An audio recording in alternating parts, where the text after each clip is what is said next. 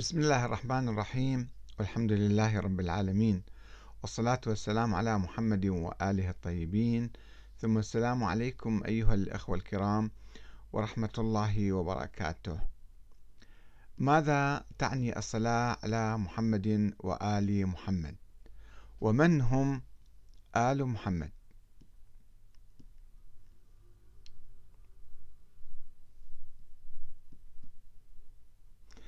وردت لفظة الصلاة بمشتقاتها المختلفة في القرآن الكريم بعدة معان وعدة اتجاهات. واحد من الله تعالى والملائكة على النبي. الله يصل والملائكة يصلون على النبي. اثنين من الله والملائكة على المؤمنين. ثلاثة من النبي على المؤمنين. أربعة من المؤمنين على النبي. خمسة من المؤمنين لله تعالى. الصلاة لله تعالى. فقد قال الله تعالى في كتابه الكريم إن الله وملائكته يصلون على النبي. يا أيها الذين آمنوا صلوا عليه وسلموا تسليما. وقال هو الذي يصلي عليكم. الله يصلي عليكم على المؤمنين. وملائكته ليخرجكم من الظلمات إلى النور. وكان بالمؤمنين رحيما وقال خذ من أموالهم صدقة تطهرهم وتزكيهم بها وصل عليهم. النبي يصلي على المؤمنين.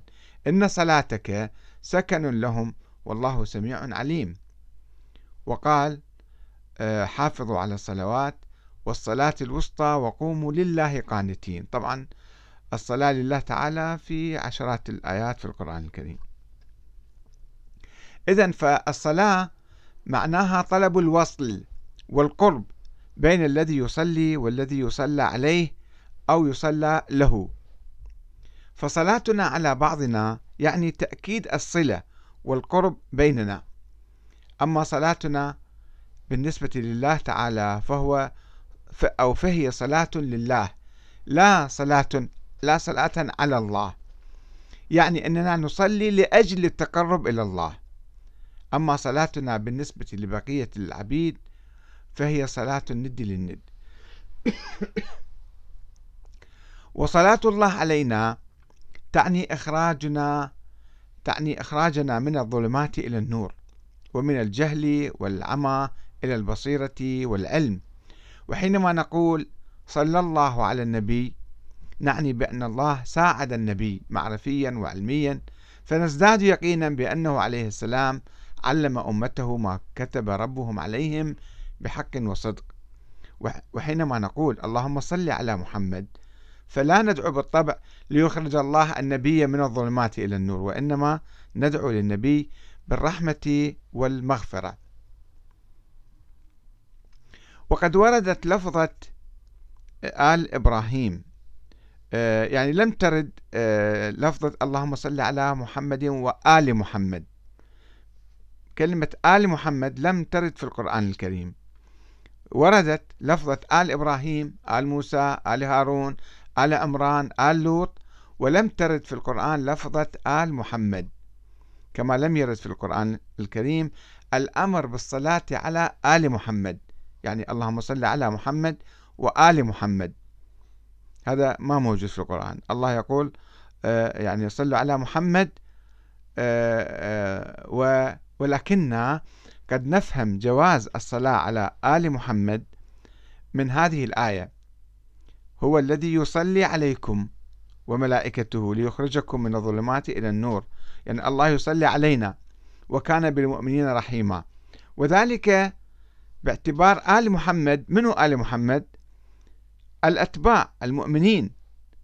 وكذلك نفهم هذا المعنى من الحديث الشريف الذي يرويه البخاري وكتب أخرى طبعا والمحدثون آخرون يقولون النبي قال قولوا اللهم صل على محمد وآل محمد كما صليت على إبراهيم وآل إبراهيم إنك حميد مجيد. البخاري جزء 4 صفحة 118 كتاب بدء الخلق.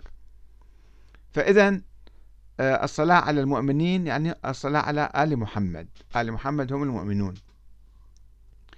والسؤال الآن هو من هم الآل؟ خلينا ندقق في المسألة. من هو الآل؟ هل هم العشيرة أم العترة مثلا أم المؤمنون بصورة عامة؟ ولماذا لم يذكر الله آل محمد في القرآن؟ لقد قال الله تعالى إن الله اصطفى آدم ونوحا وآل إبراهيم وآل عمران على العالمين. ثم قال ثم أو ثم أوحينا إليك أن اتبع إلى محمد يعني. أوح ثم أوحينا إليك أن اتبع ملة إبراهيم حنيفا وما كان من المشركين. فالنبي محمد كان يتبع إبراهيم فهو من آل إبراهيم. وقال على لسان إبراهيم قال الله تعالى على لسان إبراهيم فمن تبعني فإنه مني. ويشرح ذلك الله تعالى في آية أخرى فيقول إن أولى الناس بإبراهيم للذين اتبعوه وهذا النبي والذين آمنوا يعني كلتنا إحنا متبعين ملة إبراهيم متبعين إبراهيم فنحن من آل إبراهيم. والله ولي المؤمنين. وقال وإذ ابتلى إبراهيم ربه بكلمات فأتمهن. قال إني جاعلك للناس إماما. وهذا ما يؤكد إمامة إبراهيم لجميع الناس. إني جاعلك للناس إماما. ومنهم بالطبع أمة محمد وآل محمد. أي أتباعه والمؤمنين به. فإذا آه، نفهم من هذه الآية أن آل محمد هم المؤمنون به وأن محمد هو من آل إبراهيم أيضا. وأما لفظة أهل البيت فهي تعني الأصحاب الملازمين للشخص أو أي شيء ملازم لواحد آخر يسموه أهل فلان. سواء كانوا في بيت نقول أهل البيت أهل المدينة أهل القرية أهل الذكر. أهل القرآن أهل الكتاب آه، وتشمل المؤمنين والكافرين كما في قوله تعالى يعني عامة الكلمة هي إنما يريد الله ليذهب عنكم الرجس أهل البيت ويطهركم تطهيرا. أهل بعد عن سكان البيت الملازمين بالبيت وأهل بيت رسول الله كما يقول المفسرون أيضا هم نساؤه وابنته فاطمة وبعلها علي وأبنائهما آه، آه، عليهم السلام أجمعين. لاحظوا فإذا أهل البيت يعني اللي قريبين في البيت يعني. آه، كما نشوف الآية الأخرى أنه تعني بأهل البيت زوجة إبراهيم التي بشروها بأنها ستلد فهي تعجبت فقالوا أتعجبين من أمر الله؟ هي كانت هرمة صايرة كبيرة بالعمر. قالوا أتعجبين من أمر الله؟ رحمة الله وبركاته عليكم أهل البيت. إنه حميد مجيد. يعني هي من أهل البيت إذن زوجة إبراهيم. أول الناس يعني من أن تكون هي أهل البيت. ونشوف كلمة أهل البيت تجي في آه، آيات أخرى. وأهل معنى أهل خلينا نفهمها أيضا في آيات أخرى. وقالت أخت موسى مثلا عليه السلام لفرعون هل أدلكم على أهل بيت يكفلونه لكم؟ وهم له ناصحون. أو امرأة العزيز مثلا تخاطب زوجها وتقول ما جزاء من أراد بأهلك سوءا. زوجتك يعني أهلك يعني زوجتك. أو فلما قضى موسى الأجل وسار بأهله. سار بأهله يعني زوجته ما كان عنده أحد آخر.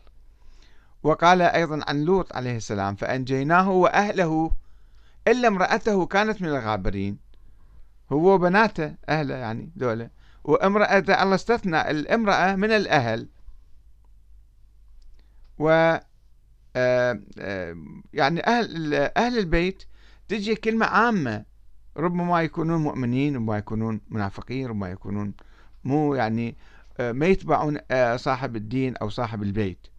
فأهل الشيء عموما أصحابه الملازمون له كما قال تعالى إن ذلك حق لحق تخاصم أهل النار. يعني اللي قاعدين بالنار. فأهل النار أصحابها وسكانها الملازمون وأهل الكتاب وأهل الذكر أصحاب الكتاب يعني وحملته وأهل المدينة وأهل القرى أصحابها وساكنوها المقيمون فيها الملازمون لها. كما قال تعالى وجاء أهل المدينة يستبشرون ولو أن أهل القرى آمنوا واتقوا أو مثلا رب اجعل هذا بلدا آمنا وارزق أهله من الثمرات اللي موجودين فيه يعني. وكل آه، لفظ آه، أضيف إلى كلمة أهل كما في قوله تعالى فلبث سنين في أهل مدين. أو يا أهل يثرب لا مقام لكم فارجعوا. حتى إذا ركب في السفينة خرقها فقال أخرقتها لتغرق أهلها. أهل السفينة يعني ماذا؟ يعني ركاب السفينة الملازمين للسفينة. وآيات كثيرة بالقرآن بهذا المعنى. قل نحمل فيها من كل زوجين اثنين وأهلك أو ونمير أهلنا يعني أهلنا آه قالوا مسنا وأهلنا الضر. أو قال لهم يوسف وأتوني بأهلكم أجمعين. فكلمة أهل هي كلمة الملازمين للشخص أو للبيت أو للقرية أو المدينة أو للسفينة أو للكتاب أو ما شابه. أما الآل فهي مثل آل فرعون. آل فرعون ليست لم يكن عشيرته يعني أتباعه آل فرعون. كما استخدم الله آه، مصطلح آل إبراهيم أو آل عمران أو آل مثلا آه، لوط بما يعني أتباعه وكذا فإذا نحن نصلي ونصلي على النبي ونصلي على المؤمنين. والله يصلي وملائكته يصلون على النبي ويصلون على المؤمنين. هناك تبادل للرحمة والتقرب والصلة بين هؤلاء المخاطبين والمخاطبين. والسلام عليكم ورحمة الله وبركاته.